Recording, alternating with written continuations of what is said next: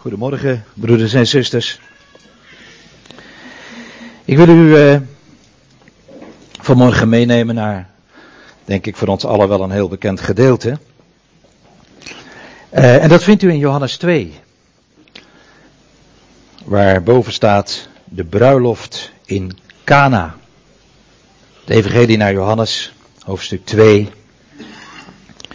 En dan willen we daar lezen vanaf vers 1 tot en met vers 11.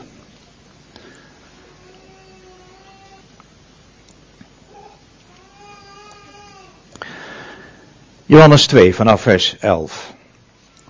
En op de derde dag was er een bruiloft te Cana in Galilea. En de moeder van Jezus was daar.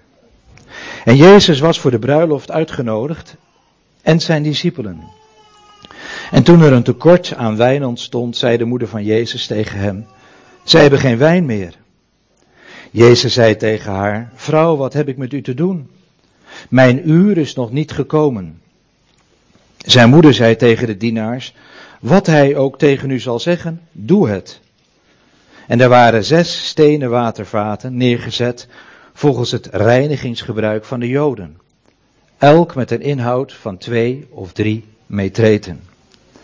Jezus zei tegen hen, vul de watervaten met water. En zij vulden ze tot aan de rand. En hij zei tegen hen, schep er nu iets uit en breng het naar de ceremoniemeester. En zij brachten het. En nu de ceremoniemeester het water geproefd had, dat wijn geworden was, hij wist niet waar de wijn vandaan kwam, maar de dienaars die het water geschept hadden wisten het, riep de ceremoniemeester de bruidegom. En hij zei tegen hem, iedereen zet eerst de goede wijn voor, en wanneer men er goed van gedronken heeft, daarna de mindere. U hebt de goede wijn tot nu bewaard. Dit heeft Jezus gedaan als begin van de tekenen te Cana in Galilea. En hij heeft zijn heerlijkheid geopenbaard. En zijn discipelen geloofden in hem. Tot zover. Dit mooie schriftgedeelte. Ja, misschien is het opgevallen, maar Johannes die hier de nadruk legt op het feit dat het de derde dag is waarop deze gebeurtenis heeft plaatsgevonden. Wij zouden zeggen, nou het zou misschien ook de tweede of de vierde, is dat nou zo relevant? Nee, het was de derde dag waarop dat heeft plaatsgevonden, die bruiloft te Cana en dat geweldige wonder waar we zo straks op terug zullen komen. In zijn algemeenheid is het eigenlijk best wel opvallend dat Johannes eh, nadruk legt op de verschillende dagen. En dan vooral ook in zijn eerste hoofdstuk van zijn evangelie. Daar zien we dat Johannes eigenlijk melding maakt van de opeenvolgende dagen die hebben plaatsgevonden. En gebeurtenissen die daarop plaatsvonden, die eigenlijk ja, een bepaalde opbouw in zich hebben, die ja, werkt naar een, naar een climax. En die climax, zo zullen we zien, vinden wij in hoofdstuk 2, de bruiloft te Cana. Ik stel voor dat we eerst eens even gaan kijken naar die verschillende opeenvolgende dagen in hoofdstuk 1. De eerste dag, dat is eh, vers 19 tot 28. En daarin zien wij dat eh, de priesters en de levieten naar Johannes de Doper worden gestuurd met de vraag: Wie bent u? En dan volgt er een heel duidelijk antwoord. Vers 20. En hij beleed en ontkende het niet, maar hij beleed: Ik ben de Christus niet. Die een beetje van taal houdt, herkent hier misschien wel een bekende stijlfiguur. Het zogenaamde pleonasme, waarin de betekenis van een woord wordt herhaald. En inderdaad, als je dat zo leest, dan, dan, dan blijkt dus uh, Johannes uh, bewust gebruik te maken van deze stijlfiguur om, om te laten zien dat hij de Christus niet is. Hij beleed het, hij ontkende het niet, maar hij beleed, hè, weer, je zou zeggen, nou dat zou je ook met wat minder woorden kunnen, kunnen weergeven. Maar de nadruk ligt hier op het feit dat Johannes er geen enkele eh, verwarring over wil laten bestaan dat hij niet de Christus is. En ongetwijfeld zal hij dat ook wel gedaan hebben met het oog op het feit dat er in die tijd wel degelijk heel veel verschillende valse messiassen waren opgestaan. Maar goed, dan is natuurlijk de vraag van uh, deze priesters en levieten, wat, wie hij dan wel is. En dan zegt hij zo mooi in vers 23, Johannes de Doper. Ik ben de stem van een die roept in de woestijn, maak de weg van de Heere recht, zoals de Jesaja, de profeet, gesproken heeft. Ik vind het eigenlijk zo geweldig mooi dat, dat Johannes zich hier identificeert vanuit het woord. Hij identificeert zich wie hij, wie hij is vanuit de profetie van Jesaja 40. En ik denk dat daar eigenlijk ook meteen ook voor ons een prachtige geestelijke les in ligt opgesloten.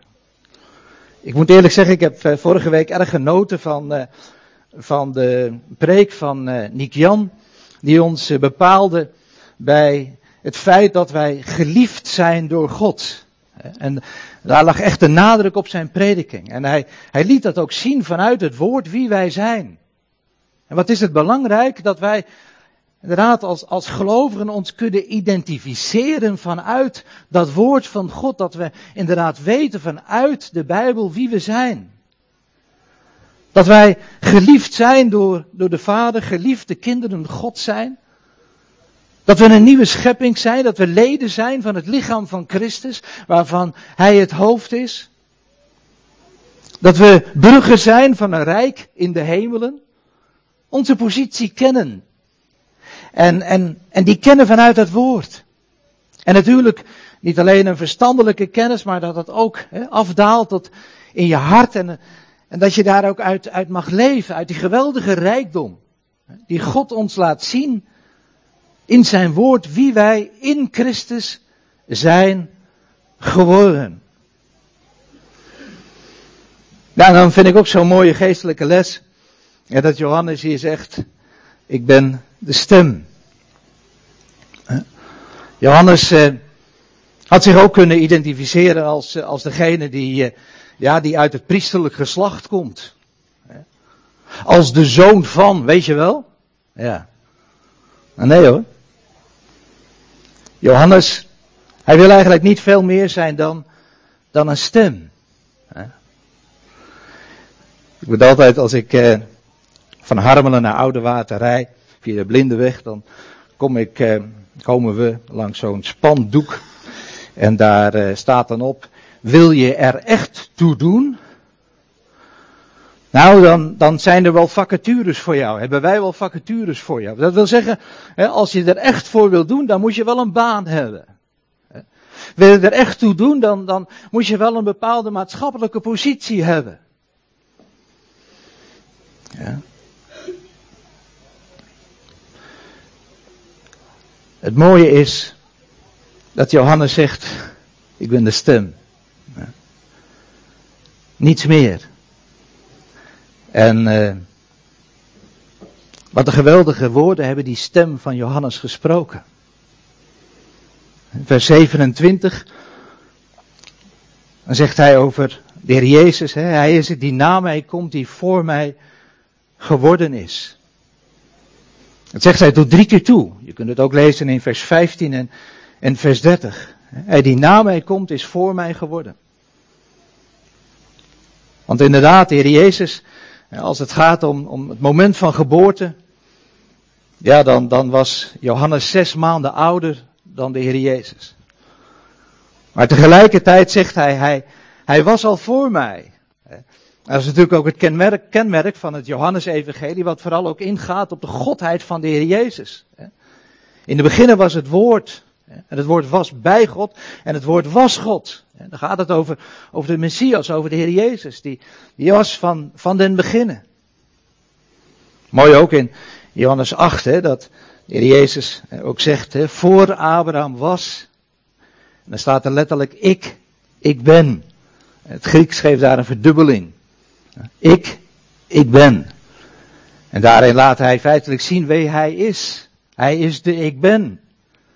De ik ben die, die zich aan Mozes openbaarde. Toen Mozes vroeg, ja, wie moet ik dan zeggen, hè, die, die ons gezonden heeft. En dan openbaart de Heer zich als de ik ben of de ik zal zijn die ik zijn zal. Hè, de, de onveranderlijke God. Die is van de beginnen. De ik ben. En dan is het zo mooi dat eh, eigenlijk daaruit ook meteen dat respect van Johannes voor de Heer Jezus zo tot uitdrukking komt in het vervolg van dat vers, hè, vers 27. Bij wie, zegt Johannes, ik niet waard ben de riem van zijn sandalen los te maken. Getuigt van, van een enorme eerbied die, die Johannes heeft gehad voor de Heer Jezus. Ik ben niet waard om zijn, de riem van zijn sandalen los te maken. Dat is ook zo'n typische uitdrukking die eigenlijk de betekenis heeft dat hij het minste hè, eigenlijk niet kon doen. Want bijvoorbeeld lezen wij in Genesis 14 over, eh, over Abraham die niets van de koning van Sodom wil aannemen. En dan staat erbij, eh, zelfs geen draad van zijn schoenriem. Nou, dat was kennelijk een, bekende uitdrukking uit die tijd. Het minste wat, wat, wat, wat er eigenlijk was, dat was een schoenriem. En Johannes zegt, ik ben niet waard om de riem van zijn sandalen los te maken. Ja, en dan de volgende dag, vanaf vers 29 tot 34, dat is die, die daarop volgende dag, lezen we dat eh, Johannes de heer Jezus naar zich toe zag komen en hij zei, zie het lam van God dat de zonde van de wereld wegneemt. Zie je dat geweldige contrast? De heer Jezus, hij is de ik ben.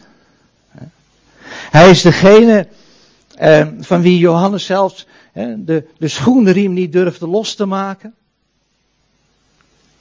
En tegelijkertijd is hij het lam van God. Wat eigenlijk wil zeggen dat hij degene is die zijn leven gegeven heeft als het lam van God. Zoals Johannes ook zegt, om de zonde der wereld weg te nemen. Hij, de ik ben, hij is degene die, ja, die, die de meest ontluisterende dood moest sterven aan het vloekhuid van, van Golgotha. Zie je dat contrast wat, wat in deze ja, verse zo ligt opgesloten? Het lam van God.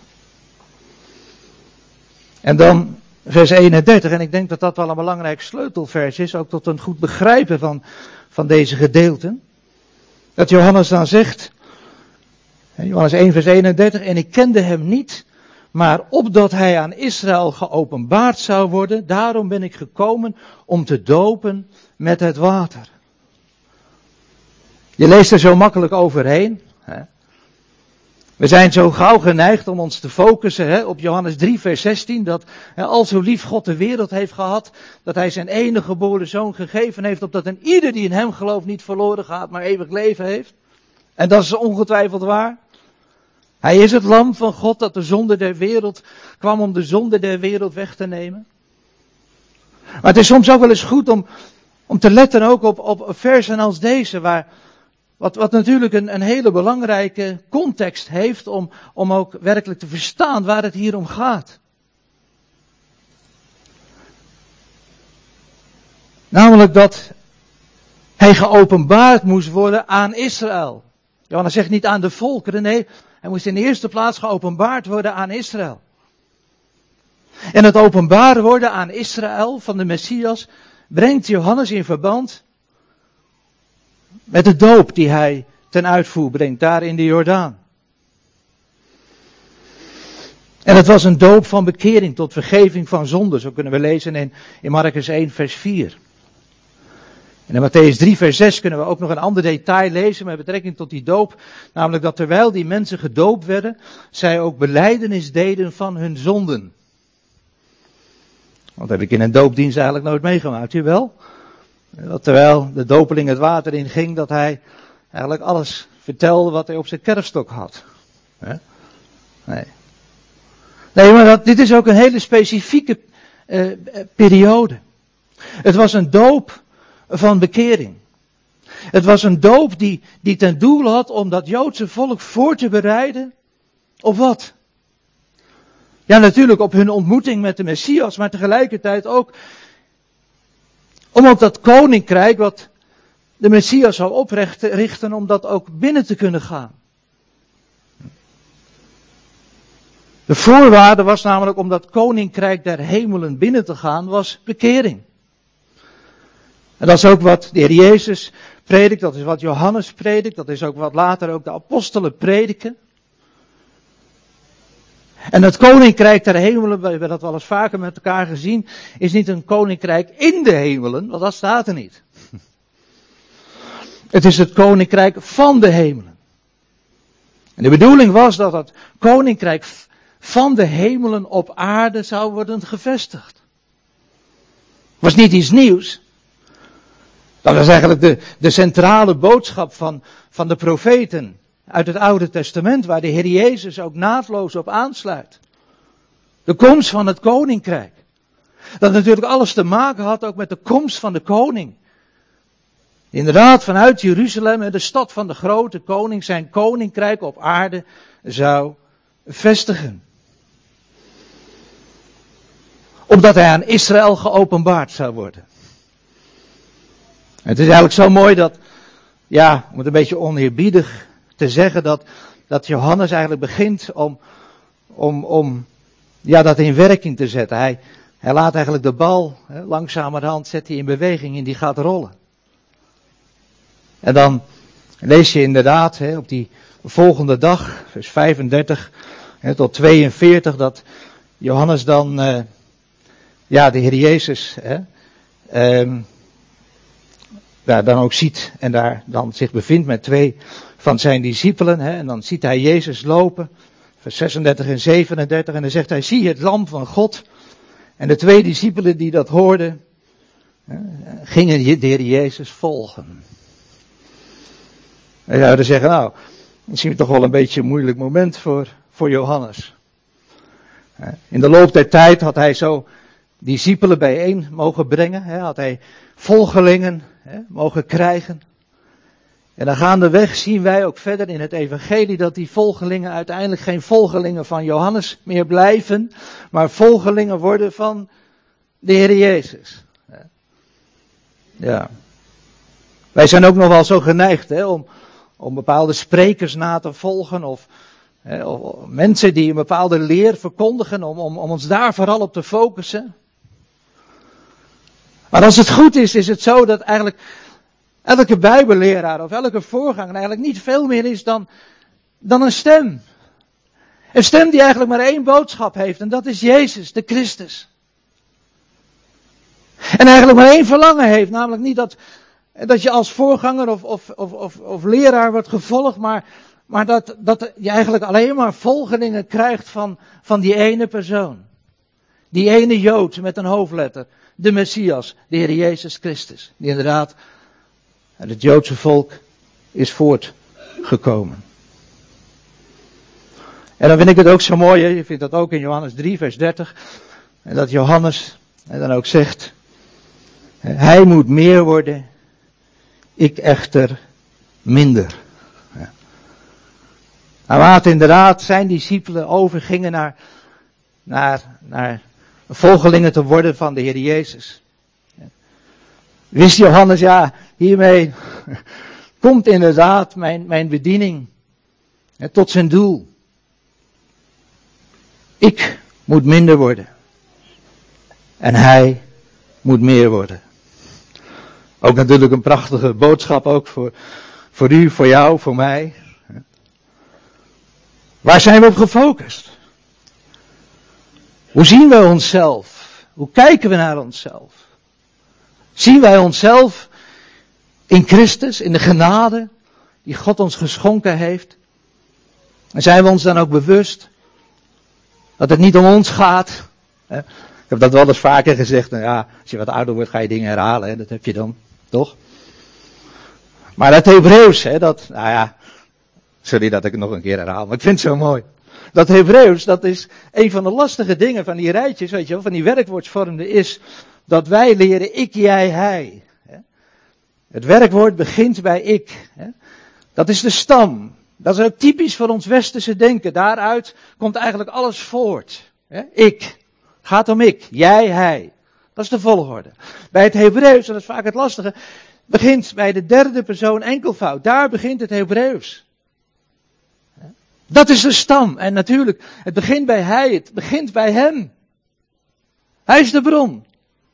Hij is de veroorzaker van alle dingen. Hij is de werker. Hij is het die het tot ons, in ons leven tot stand wil brengen. Hij, jij, ik. Hier komt pas in het Hebreeuws, dat is op de derde plaats. Ik wil daar nou niet interessant over doen, maar het is wel leuk om dit soort dingetjes ook, ook te weten. Je komt niet als eerste. Je komt pas als hij het in werking heeft gezet. Dan kom je bij jij, bij die ander. En uiteindelijk kom je bij, ja, bij wat wij dan noemen de eerste persoon, enkelvoud ik. Nou, dat is eigenlijk wat Johannes hier laat zien. Hij moet meer worden en ik moet minder worden. En op die manier heeft hij eigenlijk ook invulling gegeven aan zijn roeping, namelijk dat de Messias aan Israël geopenbaard zou worden. En lees maar verder, hè, vers 42. Andreas die tegen zijn broer Petrus zegt, wij hebben de Messias gevonden. Wat vertaald is de Christus. En ook de daaropvolgende dag, vers 44 tot 52, en daar lezen we dat uh, Filippus Nathanael vond. We hebben daar een paar weken geleden ook over gesproken in de bijzondere dienst die we hier mochten hebben. En dan zegt Filippus tot Nathanael, we hebben hem gevonden over wie Mozes in de profeten geschreven heeft. En in, eh, in Mozes in de wet geschreven heeft en ook de profeten. Zij bestudeerden dus de schriften. En vanuit die schriften konden zij zich een beeld vormen van het profiel van de Messias. En toen hij verscheen, mede ook op de prediking van, van Johannes de Doper, ja, konden zij hem herkennen als degene van wie Mozes in de wet en ook de profeten geschreven is. En dan het prachtige getuigenis van Nathanael in vers 50 van Johannes 1. Rabbi, zegt hij, u bent de zoon van God, u bent de koning van Israël. Zie je hoe die beleidenis eigenlijk steeds verder naar een climax komt. U bent de zoon van God. En u bent de koning van, ja, ja, de koning van Israël. Ik zeg het nog maar een keer nadrukkelijk, omdat het er zo nadrukkelijk staat. Ja, en, en, en dan ga je natuurlijk afvragen, hoe zal dan uiteindelijk ook die, die heerlijkheid van, van dat koningschap en van die koning geopenbaard worden? Ja, en dan komen we dus in Johannes 2. En ja, de cruciale elementen eigenlijk uit dat gedeelte wat we met elkaar hebben gelezen. Is in de eerste plaats de derde dag, zullen we zien hoe belangrijk die is. Het tweede is, er was een bruiloft. Het derde is dat er was een gebrek aan wijn. Hoe kan het zo? Wel apart toch? Ja. Het vierde is het geweldige wonder dat de Heer doet. En eigenlijk zeg ik het verkeerd, want het is geen wonder, maar het is een teken. We zullen daar straks misschien nog even iets over zeggen. Namelijk dat de Heer voorziet in wijn. Hij verandert water in wijn. En dan blijkt die laatste wijn beter te zijn dan de eerste.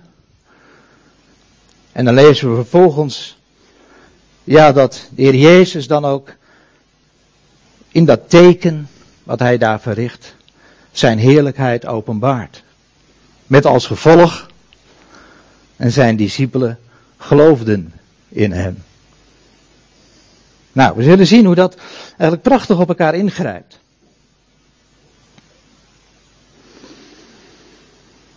En eigenlijk denk ik dat als je Johannes 2 goed wil begrijpen, en daar ontbeek vanmorgen natuurlijk de tijd voor, dat je eigenlijk zou moeten gaan naar dat boek Hosea. Heel bijzonder boek. Ja, welk boek in de Bijbel is niet bijzonder? Maar juist bijzonder met betrekking tot dit thema. Maar misschien weet je het wel, dat in feite dat dat verbond dat God met Israël gesloten had, op de berg Sinaï, was een, was een huwelijksverbond. God had Israël gehuwd. En had daar natuurlijk, zoals dat gaat met een verbond, ook bepalingen voor gegeven die natuurlijk Israël als, als vrouw ook moest naleven. Nou, als je in het boek Hosea leest, dan zie je eigenlijk dat, dat de Heer daar vooral inzoomt op die, op die relatie die hij heeft met zijn volk Israël. Als, een, als hij de man en, en Israël de vrouw. Veel andere plaatsen trouwens ook. Ik uit mijn hoofd zeg Jeremia 3 en Jeremia 31, het nieuwe verbond ook. Er ook wordt teruggegrepen. Maar eigenlijk het tragische in het boek Hosea is dat de profeet daar laat zien dat Israël niet trouw is gebleven.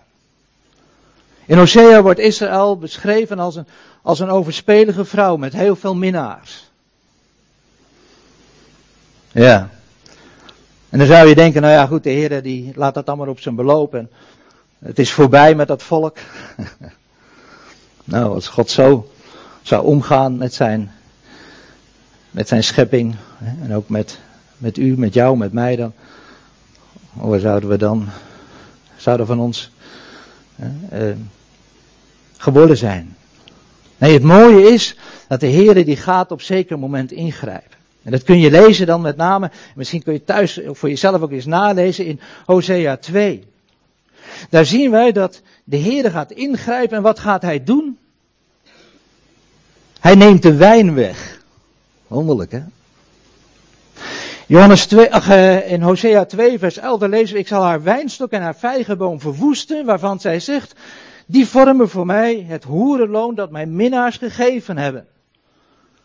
Met andere woorden, Israël zag eigenlijk niet eens meer waar die wijn vandaan kwam, waar die zegen van dat land. En, en, en we hebben dat wel eens vaker, dacht ik, tegen elkaar gezegd. De wijnstok en vijgenboom worden vaak in één adem genoemd. Ze, spreken over de overvloed van zegen die de Heer Israël wilde geven. En dan zei dat volk, ja, weet je, dat, uh, dat is niet de zegen van de Heer hoor. Wel nee. Dat is, uh, dat heb ik gekregen als hoerenloon. Dat heb ik gekregen als van mijn minnaars. God wordt helemaal buiten spel gezet. Ook in het denken van het volk. En dan is het wonderlijk dat we dan verder lezen, in vers 13, dat de Heere zegt, zie ik ga haar lokken haar de woestijn inleiden en daar naar haar hart spreken. Zie je de parallel met Johannes? Waar was Johannes? In de woestijn. En wat deed hij? Hij sprak daar ook tot het hart van het volk. De Heere die hen lokte in de woestijn. En misschien zeg jij, zegt u vanmorgen wel, weet je, ik ken ook zo'n woestijnperiode in mijn leven. Waar het aan wijn ontbrak. En ontbreekt. En het zou zo kunnen zijn dat na verloop van tijd dat u zegt. En toch had ik die tijd niet willen missen. Die woestijnperiode. Het heeft wel iets in mijn leven tot stand gebracht, wat, wat zonder die woestijnperiode eigenlijk nooit had gebeurd. God heeft tot mijn hart gesproken. Ik heb daar in de woestijn met God ja, een ontmoeting gehad. Die zo bijzonder is, die zo uniek is. Die ik nooit zou willen missen. En dat is wat de Heer gaat doen. Hij gaat dat volk, zegt hij, in de woestijn leiden. Ja, hij, hij gaat hen lokken. Zijn liefde die hen trekt. Mooi hè. De genade God hè. Hoefde dat natuurlijk helemaal niet te doen. Hij had dat volk in één keer, dat volk in één keer kunnen afrekenen. Hij lokt hen naar de woestijn. En hij spreekt daar tot hun hart. En dan is het wonderlijk dat we dan lezen in vers 14 dat hij vanaf dat moment, dat hij dan haar weer de wijngaarden gaat geven. Als hij die ontmoeting heeft gehad met dat volk, dan, dan gaat hij weer dat volk weer geven. Ja, wat hij zo van harte eigenlijk hen in alle gulheid wil geven. Hij gaat hen weer die wijn weer teruggeven. Wijn, een beeld van vreugde, een beeld van overvloed. Het dal van Agor, is dat voor jezelf maar eens na, wordt een dal van hoop. De dal van Agor, hè, waar Agan werd geoordeeld en zijn familie. Vreselijke tijd, Johannes, of in uh, Joshua 7, als ik het uit mijn hoofd zeg, kun je dat lezen. Dat wordt een dal van hoop. Als God één keer met dat volk, hè, dat, dat, dat oordeel hè, voorbij is, dan, dan komt daar weer hoop. Dan wordt daar weer een, een, een, ja, een, een geweldig nieuw hoofdstuk wordt daar dan aangebroken. En weet je, dan is het zo mooi dat er staat in Hosea 2, vers 15. En op die dag zal het gebeuren, spreekt de Heer, dat u mij zult noemen mijn man en mij niet meer zult noemen mijn baal. Zie je, dat huwelijk wordt weer hersteld. Op die dag, hou dat even vast. De Heer heeft dus kennelijk een speciaal moment waarop hij dat, die belofte in vervulling laat gaan. Waar hij weer opnieuw dat volk weer, weer gaat zegenen met, met, met wijn. En de vijgenboom en alles wat daarmee samenhangt. De hele vegetatie eigenlijk weer terugbrengt naar, naar het land zoals God dat ook door Mozes had beloofd. En dan zegt hij in vers 18 nog steeds van Hosea 2, ik zal u voor eeuwig tot mijn bruid nemen. Niet voor, voor, voor, voor weer opnieuw een, periode, nee. De Heere die omziet naar dat volk wat zo ongehoorzaam is geweest. Dat zo eigenlijk in hoerarij heeft geleefd. Want dat is eigenlijk zonde. Hè? Als je hart verpand aan andere dingen is dat eigenlijk een vorm van hoerarij. De Heer kent, leest ons hart. En dan, dan zegt hij, ik ga ze weer als mijn bruid nemen voor eeuwig. Hoe? In gerechtigheid en recht. De Heer gaat nooit buiten zijn eigen recht om. Maar ook in goede tierenheid en in barmhartigheid. Hosea 2 vers 18. Voor eeuwig zal ik je als mijn bruid nemen. En ja, dan komen we nog weer even op welke dag was dat dan? Op die dag, zegt de Heer.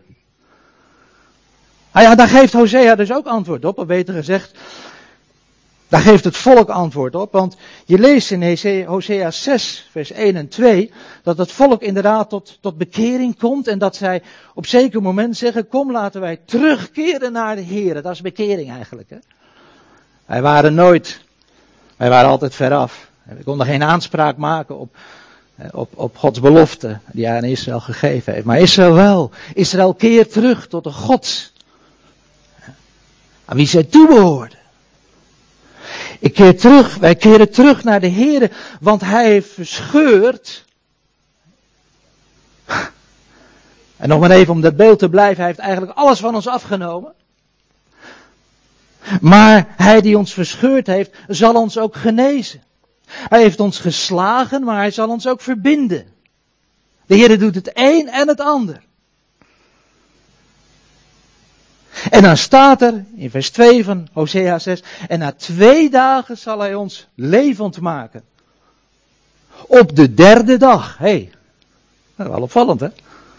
Op de derde dag zal hij ons doen opstaan en dan zullen wij voor zijn aangezicht leven. Op de derde dag. De derde dag in de Bijbel, we hebben het er al zo vaak met elkaar over gehad, is de dag van de opstanding. Niet alleen de dag van de opstanding van de Heer Jezus. Maar het is ook de opstandingsdag van Israël. Eigenlijk kunnen wij zeggen dat wij geestelijk ook op die derde dag leven, want wij leven uit de kracht van zijn opstanding. Op de derde dag zal hij ons doen opstaan en dan zullen wij voor zijn aangezicht leven. En dat is eigenlijk het ware opstaan. Hè? Ja. Opstaan, uit de dood opstaan, is, is leven. En waarin openbaart zich dat leven? Nou, dat, dat, dat openbaart zich in het leven voor zijn aangezicht. Dat is het echte leven. Dat is het leven zoals God dat ook voor zijn kinderen wil. Voor jou, voor mij, voor u. Dat we leven voor zijn aangezicht. Dat we hem elke dag betrekken bij de dingen die die dag op stapel staan, of wat dan ook. De grote dingen, de kleine dingen. Leven voor zijn aangezicht. Leven dat God er behagen in ons leven kan hebben. Hoe? Wel natuurlijk door zijn zoon in ons te zien. In wie hij al zijn welbehagen heeft. Dat is het verlangen van God. Hij wil Christus in ons zien. In ons leven, in ons doen, in ons laten, in ons denken. Dat is leven voor zijn aangezicht. En dan is het zo mooi, dat laatste hoofdstuk hè, van, van Hosea. Dan staat er in vers 8 van hoofdstuk 14. Hè, zij zullen in bloei staan als de wijnstok. Zijn gedachte zal zijn als de wijn van de Libanon. Weer de wijn. En dan vers 9 van Hosea 14. Door mij is bij u de vrucht te vinden. niet, de, niet de vrucht en niet de wijn van de heidenvolken. Maar door mij komt die wijn weer terug. Wonderlijk hè. Wonderlijke geschiedenis als je dat zo leest in Hosea. Maar natuurlijk helemaal wonderlijk als je dan Johannes 2 leest, of niet dan? Toch? Johannes 2. Een bruiloft. Op de derde dag. Ja, de opstandingsdag. En wat was er? Er was gebrek aan wijn. En dan lezen we in vers 3, we gaan heel snel doorheen, maar even die punten aanraken. En toen het tekort aan wijn ontstond, zei de moeder van Jezus tegen hem, zij hebben geen wijn meer. Waar ga jij naartoe als je een probleem hebt? Als er iets ontbreekt in jouw leven? Als er zich iets voordoet wat, wat je eigenlijk niet verwacht had dat, dat jou ooit zou kunnen overkomen? Zit je dan meteen op je WhatsApp? Hè? Je Facebook of weet ik veel wat? Of, of, ah, of doe je eigenlijk precies wat Maria deed? Gewoon gaan. Naar degene waarvan je weet dat hij de oplossing heeft. En dat is niemand anders dan, dan de Heer Jezus. Overigens, wat mij zo opvalt in, het, in Johannes-evangelie is dat Maria nergens bij namen wordt genoemd. Is je dat was opgevallen? Ze wordt wel aangeduid als de moeder van Jezus.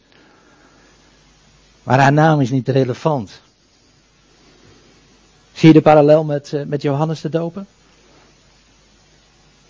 Johannes was een stem. Maria, ze was een stem. En met die stem sprak ze tot de Heer Jezus. En dan zegt Jezus, mijn uur is nog niet gekomen. Je zegt die vrouw, wat heb ik met u te doen? En mijn uur is nog niet gekomen. Maar je moet even een, stapje terug doen. Vrouw, het is, het is overigens helemaal, het klinkt misschien in, onze, in ons taalgebruik misschien niet vriendelijk, maar in het Grieks is het wel echt wel een keurige nette term die de Heer hier gebruikt hoor. Als dame. Alleen het punt is even dat, dat ja, zoals, zoals Paulus dat zegt in Romeinen 11 aan het einde, hè, dan gaat het ook over Gods heilshandelen met zijn, met zijn volk Israël. Wie is hem, mij, hem tot raadgever geweest? Er is niemand hem tot raadgever geweest. Of wie heeft hem iets gegeven dat hij verplicht is om daar ja, weer, weer iets op terug te doen? Niemand. Het is uit hem, door hem en tot hem zijn alle dingen. Wij zijn nog wel eens geneigd om in ons gebed God tot een raadgever te zijn. Wij zijn nog wel eens geneigd om te zeggen, heren, eigenlijk is het zo, zo zou ik het willen. En, het, en we moeten dan oppassen dat we het ook niet nog een keer als een claim bij hem neerleggen. Want zo denken wij, heren, dat het wel het beste zal zijn. Oh. Vrouw, wat heb ik met u te doen? Mijn uur is nog niet gekomen. Dat is een typische uitdrukking, hè, het Johannes Evangelie. Mijn uur. De Heer doet het op zijn tijd. De Heer doet het op zijn wijze. Maar hij doet het wel. En dat ligt natuurlijk daar ook in opgesloten. Mijn uur is nog niet gekomen, dus dat uur gaat wel komen. Hij gaat ingrijpen. En op basis daarvan gaat dan ook Maria naar de dienaars. Vers 5 en ze zegt, wat hij ook tegen u zal zeggen, doe het. Ze zegt niet, eh, je moet doen wat hij zegt. Nee, moet je kijken hoe, hoe ze het formuleert. Wat hij u ook zegt. Zie je dat Maria eigenlijk al helemaal rekening houdt met de mogelijkheid dat Jezus iets tot deze dienaars gaat zeggen. Wat eigenlijk heel onlogisch is. Ja. Er zijn best ook wel dingen in, in ons leven en natuurlijk ook zeker ook niet in het minst ook in het woord die, die ons soms wat onlogisch overkomen. Het gaat er niet om hoe wij daarover denken, hoe wij dat beoordelen. Het gaat erom dat we God, dat we de Heer de autoriteit geven die hem toekomen. Wat hij u ook zegt, doe dat. Ja, dan uh, waren daar zes stenen watervaten. Zes, het getal van de mens. Stenen watervaten er volgens het reinigingsgebruik van de Joden. Ja, de Joden hadden heel wat reinigingsgebruiken. Je kunt ook lezen in Matthäus 15 dat op zeker moment dan ook eh, de Heer Jezus wordt aangeklaagd vanwege het feit dat zijn discipelen met ongewassen handen brood eten. En zeggen zij dan, dat is niet in, in overeenstemming met de overlevering van de ouden. Zeggen niet, dat is niet in overlevering met het woord van God. Nee, want naast dat woord was er ook een mondelinge overlevering. De mondelinge overlevering, de overlevering van de ouden. En je ziet dat gaandeweg tot op de dag van vandaag eigenlijk die meer gezag heeft dan het woord van God. En dan zegt de Heer Jezus eigenlijk iets heel cruciaals. Hè? Matthäus 15 vers 11, wat de mond ingaat verontreinigt de mens niet, maar wat de mond uitgaat, dat verontreinigt de mens. Het, het is niet zomaar dat, dat je die reinigingsgeboden van de ouden zomaar kan opvolgen en dan mag denken dan, dat je dan vervolgens rein bent. Nee, er is er maar één die, die dat onreine hart kan reinigen. En dat is niemand anders dan de Heer Jezus. En hoe doet hij dat? Ja, dan is het zo wonderlijk. Echt een avontuur, Bijbelstudie. Onder leiding van Gods geest. Dan kom je weer bij de wijnstok uit. Want in Johannes 15, dan zegt de Heer Jezus, Johannes 15 vers 2 en 3, Elke rank die in mij geen vrucht draagt, neemt hij weg. En elke rank die vrucht draagt, reinigt hij, opdat hij meer vrucht draagt. En dan vervolgens zegt hij iets heel opmerkelijks. U bent al rein vanwege het woord dat ik tot u gesproken heb. Wat reinigt? Het woord. Als je onreine gedachten hebt, mannen en broeders, of geliefde zusters, wat moet je doen? Weet je, er is eigenlijk maar één geweldig middel wat God ons gegeven heeft en dat is dat woord. Lees de Bijbel, ga daarmee bezig. Ga onder in dat bad van dat woord van God en, en, en dan ga je zien dat die onreine gedachten als het ware vanzelf al, al van je wegvallen. Je gaat je verdiepen in de, in de kracht van het woord, in de reiniging van het woord. En ik denk dat dat ook de reden is waarom die zes stenen watervaten gevuld moesten worden met water. Water is ook een, ook een beeld van het woord. Hè? De Jezus zegt in, of de, Paulus zegt in Efeze 2 vers 25 hè, dat de Heer Jezus reinigt zijn gemeente en met het waterbad door het woord. Heb je dat waterbad? Ja. En wat gebeurt er dan met dat water? Ik weet niet hoe het bij jou vergaat. Maar weet je, ik vind het zo mooi. Als je zo, zo, zo, zo, zoiets leest, zo'n studie is, is doorwerkt. Ja, weet je, dan wordt dat water, dat, dat reinigt natuurlijk. Het vernieuwt je, je denken. Maar het, het is ook wijn. Wijn is een beeld van, van vreugde. Wijn is in de Bijbel ook een beeld natuurlijk ook van overvloed, maar zeker ook van vreugde. Is dat niet bijzonder dat, dat God, als we dat woord bestuderen, als we daarmee bezig zijn, dat dat water inderdaad van dat woord hè, eigenlijk tot wijn wordt. Het is, het is heerlijk, het is genieten. Hè? Toch? Nemen we toch wel de tijd voor, of niet? Van die wijn te drinken. En dan, dan komt die ceremoniemeester hè, die, ja, die gaat dan een beetje verontwaardigd naar, ja, naar naar die bruidegom toe. En, en zegt dan tegen hem, ja, je hebt het eigenlijk helemaal verkeerd gedaan, joh. Je hebt, je hebt het net anders, je hebt het net omgedraaid, zoals wij het altijd doen. Wij geven altijd eerst de goede wijn. En dan, en dan de minder goede. Maar u hebt de goede wijn voor het laatst bewaard. Misschien is dat in jouw leven ook wel zo. Er veel dingen zijn die, die aantrekkingskracht op je hebben, die, die mooi zijn. En op een gegeven moment ga je toch ervaren dat als je die, die wijn drinkt, niet die van de wereld. Zoals Israël, die dacht dat ze die, die wijn en al die opbrengst van, van het land eigenlijk de danken had aan haar Baals. Maar dat zij inderdaad tot bewust, zich bewust werd dat, dat de Heere degene is die de gever is, die de oorsprong is, die de bron is van dat leven. Ja. Dan is inderdaad die laatste wijn veel beter dan die eerste, toch? En zeker ook na die periode dat je in de woestijn hebt doorgebracht. En dan staat er in vers 11, dit heeft Jezus gedaan als begin van de tekenen. Veel meer tekenen gedaan, dat is best wel op zich wel op zich een mooie studie van de andere tekenen. Hoe die verband houden met elkaar, gaan we het nu natuurlijk niet over hebben. Maar het begin van zijn teken, de oorsprong, hier begint het eigenlijk mee.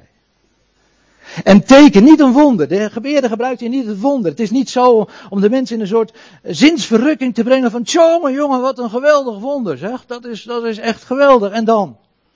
Ja, dan is dat wonder voorbij en dan is het over. Nee, dat is geen wonder. Was het wel. Maar het was een teken. Hij openbaarde zijn heerlijkheid. En zijn discipelen geloofden in hem. Nou, weet je, het begon met het lam. Dat sterven moest. En van waarvan Jesaja zegt, dat iedereen voor hem zijn gezicht verborg. Men kon het niet aanzien. Jezaja 53 vers 3. Maar zien wat een krachtige taal daar gebruikt wordt. Het kruislijden van Christus. En het eindigt met de openbaring van zijn heerlijkheid. En weet je wat zo mooi is? En daar sluiten we mee af hoor. Er komt ook nog een derde dag. Niet alleen voor Israël, maar er komt ook een derde dag, een opstandingsdag voor de volken. En, en wat de tijd zal dat wezen? En, en wat zal er gedronken worden? Vraag je misschien af. Nou, daar staat hier over, eh, over zes stenen watervaten met een, eh, inhoud van twee of drie meter. Dat was alles bij elkaar, waren honderden liters wijn. Denk nou niet dat ik jullie aan de wijn wil hebben. Mag wel hoor, wat mij betreft. Maar natuurlijk in mate, hè, zegt Paulus ook heel duidelijk tot Timotheus. Weinig wijn. Hè. Drinken weinig wijn. Hè. Goed voor die menigvuldige zwakheden. Maar weet je, en daar, daar sluit ik mee af, Jesaja 25 vers 6 tot en met 9, dat lees ik door, voor. Je mag het opzoeken. Maar daar, daar zien we eigenlijk dat teken werkelijkheid worden. Daar staat, Jesaja 25 vanaf vers 6, de Heere van de legermachten zal op de berg, op deze berg, welke berg?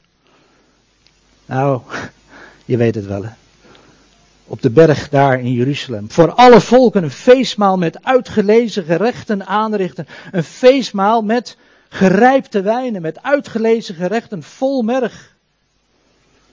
Met gezuiverde gerijpte wijnen. En hij zal op deze berg verslinden de sluier waarmee het gezicht van alle volkeren omsluierd is. En de bedekking waarmee alle naties bedekt zijn. Wat wil hij nog meer doen? Hij zal de dood voor altijd verslinden. De Heere, Heere zal de tranen van alle aangezichten afwissen. En de smaad van zijn volk wegnemen. Dat vind ik wel een heel bijzonder, hè? De smaad van zijn volk. Want een smaad is er over dat volk gekomen. De Heere zal het wegnemen. Hij zal het van heel de aarde wegnemen, want de Heere heeft het gesproken. Het is gelukkig niet een mens, het is niet hè, de Trump, de ja. Het is de Heer die het gesproken heeft. Ja. En op die dag, de derde dag, zal men zeggen, zie, dit is onze God, wij hebben hem verwacht. En hij zal ons verlossen. Dit is de Heere, wij hebben hem verwacht. En wij zullen ons verheugen en ons verblijden in zijn heil. En weet je wat het mooie is? Dat laatste woordje heil, wat het is? Weet je wel hè? Yeshua. Dat is de Hebreeuws. Hebreeuwse naam van de Heer Jezus. In zijn heil zullen we ons verblijden. En zegt dan, zegt Jezaja, en, en ja, ze zullen hem verwacht hebben. En, en, en ja, ze zullen zeggen, dit is onze God die wij verwachten. En hoe? Weet je, ik ben zo blij dat al die Bijbels niet zijn verbrand. Dat had zomaar gekund, een wonder van God. De Heere laat zich kennen door zijn woord. Dat woord dat we onder zijn volk mogen verspreiden. En waar inderdaad op basis daarvan Filippus tot Nathanael kon zeggen, wij hebben hem gevonden. Over wie Mozes in de wet en de profeten gesproken heeft. En ik ben ervan overtuigd dat straks er een gelovig overblijfsel ook van Israël zal zijn. Die zegt, kijk, net als, net als, net als Nathanael. Ja, inderdaad. Wij kennen nu al, Heer. Wij kennen nu al vanuit dat woord. U bent precies degene die wij verwachten. En ik weet niet hoe het met jou is, hoe het met mij is, maar. Weet je. Paulus zegt in Colossense 3: als, als Christus verschijnt die ons leven is. Wat een dag zal dat zijn. Als Christus verschijnt die ons leven is. Zullen ook wij hem gelijk zijn. We zullen hem kennen als degene die nu reeds ons leven is. Drink maar veel wijn. Amen.